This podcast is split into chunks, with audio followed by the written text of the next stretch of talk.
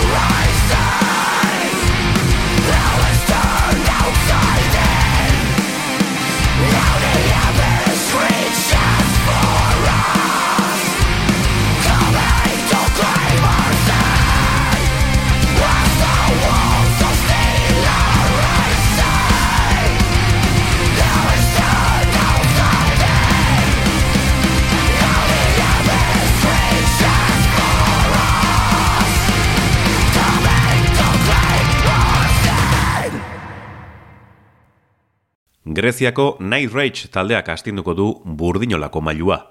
Mario Siliopoulos musikari neka ezinak etengabe aurrera egin du Melodez suediarra oinarri duen bere bizitzako proiektuarekin. Abyss Rising diskoa boskote egonkortu baten saria da. Pieza berriak eta ez horren berriak errepasatuko ditugu. Abyss Rising abestiarekin abiatu dugu saioa. Night Rage banda Exhumation zenaren errautsetatik sortu zuen 2000 garren urtean Marios Iliopoulos gitarristak. Hain zuzen ere, bere talde hoiaren azken laneko abesti baten izena hartu zuen abentura berrirako.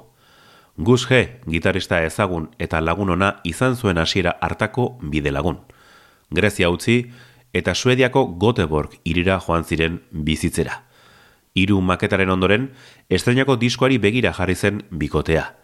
Horretarako, death metal melodikoaren ikur bat fitxatu zuten abeslarik isa, Thomas Lindberg.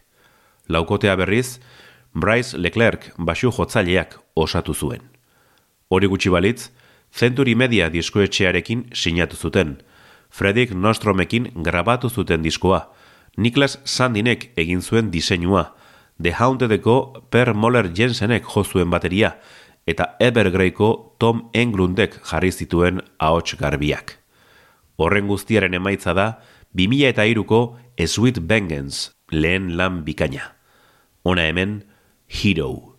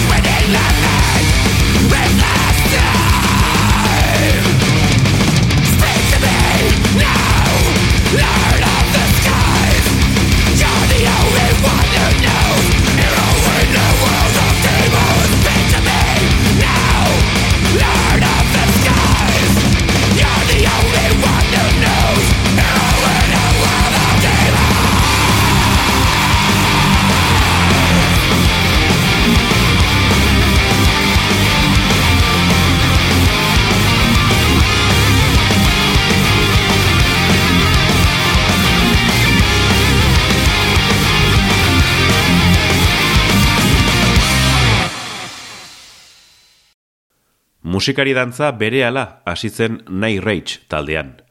Iliopoulosek basua eta bateria aldatu zituen. Horrela, Henrik Carlsonek eta Fotis Benardok urren ez urren berrosatu zuten boskotea. Aldiz, Tom Englundek ahots garbien ekarpena eten zuen. Haren ordez, Dark Tranquilityko Michael Stein kantariak kolaborazio eder bat egin zuen bigarren diskoan. Hau da, 2000 eta bosteko Destined into Chaos gordinagoan death metal suediararen sustraiak astindu zituzten melodiak ahaztu gabe. Hau duzue Frozen.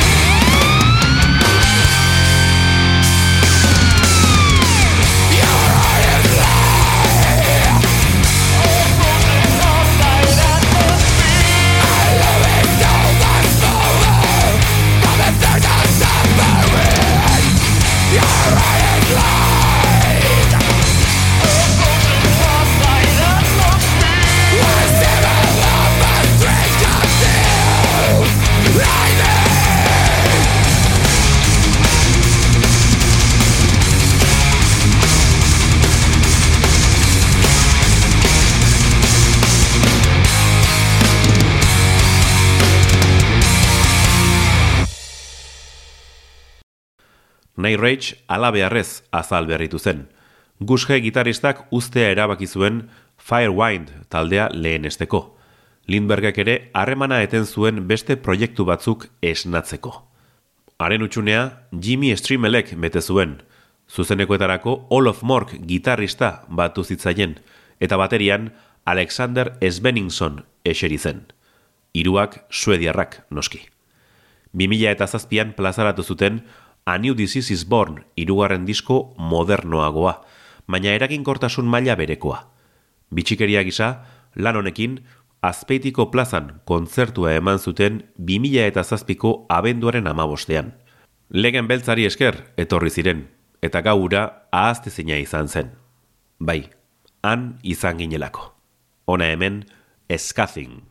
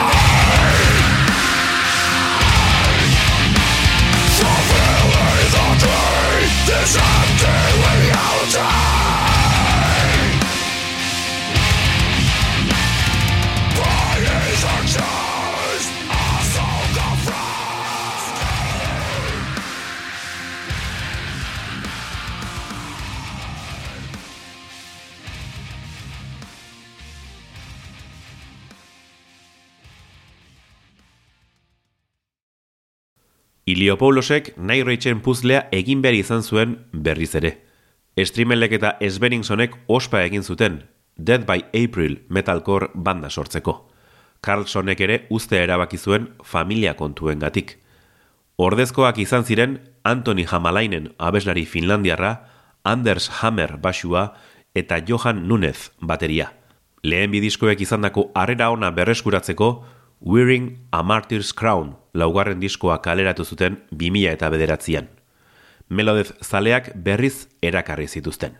Dena dela, txalo gehiago jaso zituen 2000 eta amaikako Insidious lanak. Egia esan, taldekide zaharren kolaborazioak erabakigarriak izan ziren. Gus G, Lindberg eta Englund musikariek parte hartu zuten. Hau duzue, Insidious.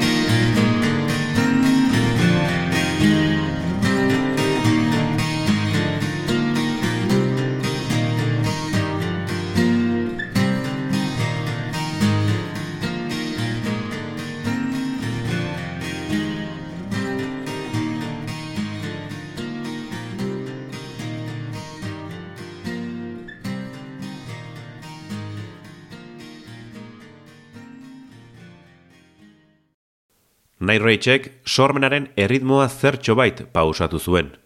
Bi urtetik behin lan berri bat kaleratzeko ohitura hartu zuten, baina aldaketek are gehiago baldintzatu zuten banda.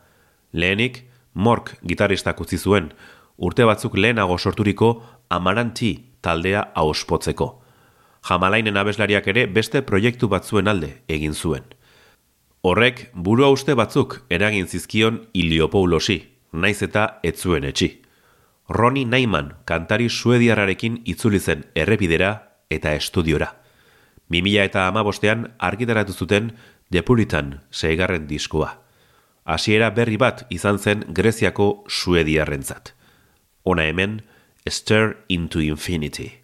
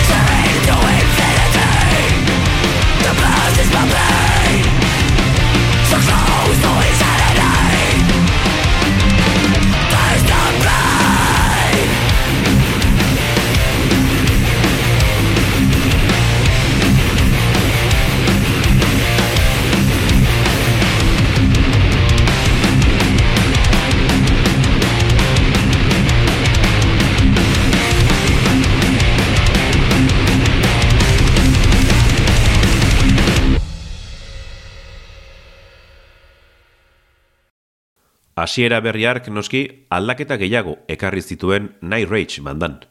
Magnus Soderman gitarista eta Lorenz Dinamarka bateria jotzailea fitxatu zituzten. Bereziki, zuzenekoei begira. Horrekin batera, 2000 eta amazazpiko The Venomous lanean parte hartu zuten. Ondorengo kontzertuetarako basu jotzailea ere aldatu zuten. Venezuelako Francisco Eskalonak hartu zuen jamerren lekua hause duzue inaborrentz.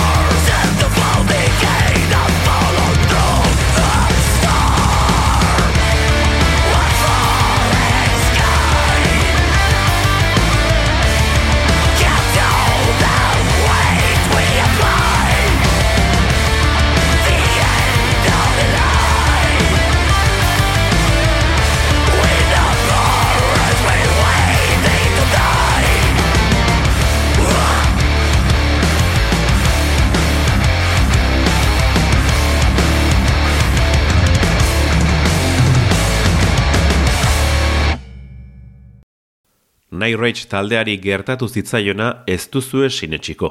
Bai, boskotea enegarren aldiz berrosatu zuten aurrera jarraitzeko. Horengoan, bateria jotzaile gazte bat batu zitzaien, Dino George Estamoglow greziarra. Iliopoulosek banda egonkortzea lortu zuen inoiz ez bezala. Lasaitasun horrekin plazaratu zuten Wolf to Man zortzigarren diskoa 2000 eta emeretzian. Ona hemen, The Damned.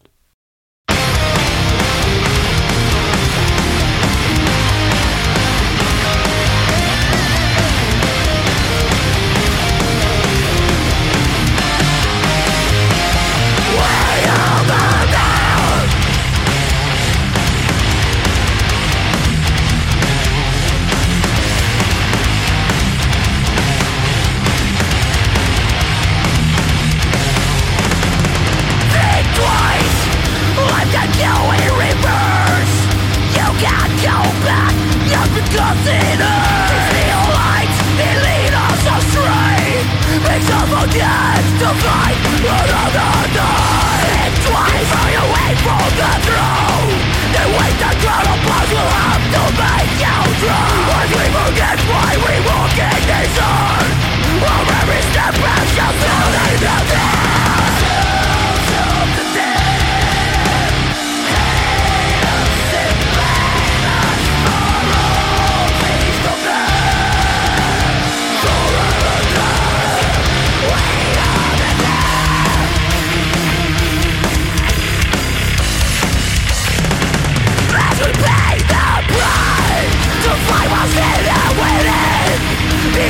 Someone that was used to be your skin. With sense of sanity we all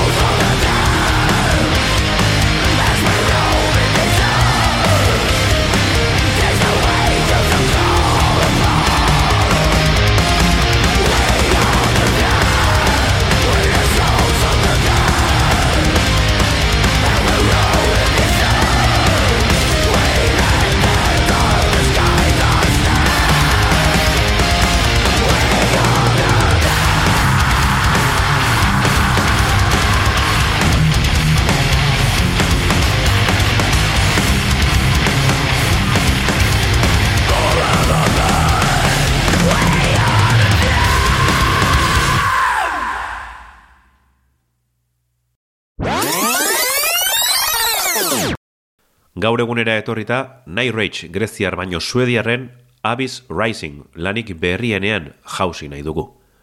Film baterako ematen duen ibilbidea ezagututa, bi hamarkadatan mantendu dutena aitortu behar diegu. Death metal melodikoaren izaera propioa landu dute Ileopoulosek eta unean uneko bide lagunek. Hori bera da, Abyss Rising zortzigarren diskoak ere islatzen duena. Hau duzue, nauseating oblivion.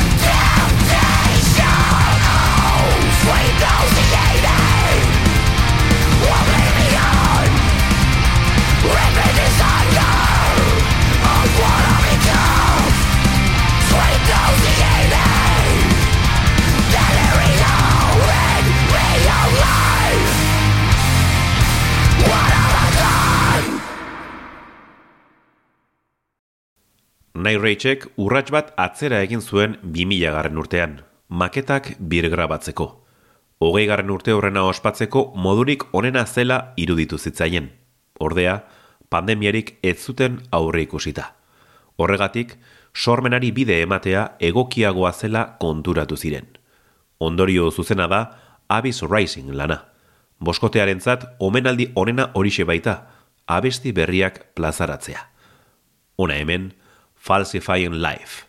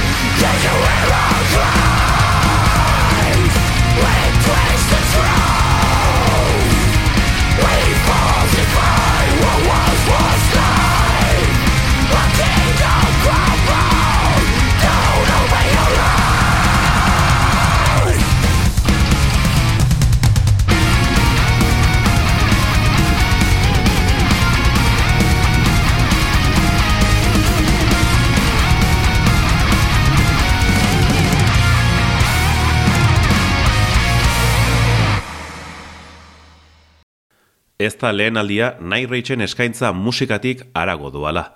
The Venomous diskoarekin hasi ziren abesti bakoitza ilustrazio batekin lotzen, historio bat marrazten. Formula bera erabili dute urrengo lanetan, eta baita ere Abyss Rising berrienean. Bistan da ez dutela doinuetara mugatu nahi, eta naiman abeslaria sartu zenetik beste dimentsio bat hartu zuten kontzeptuek eta letrek. Hau duzue, Ninth Circle of Hell. Thank you.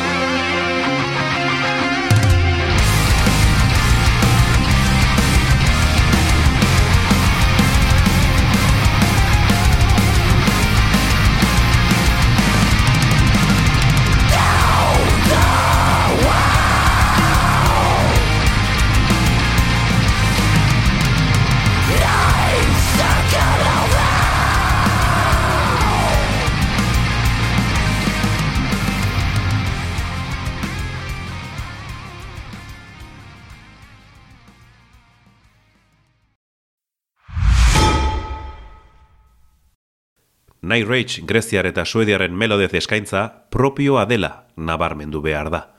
Mario Siliopoulosen melodiak eta egiturak berehala antzematen dira.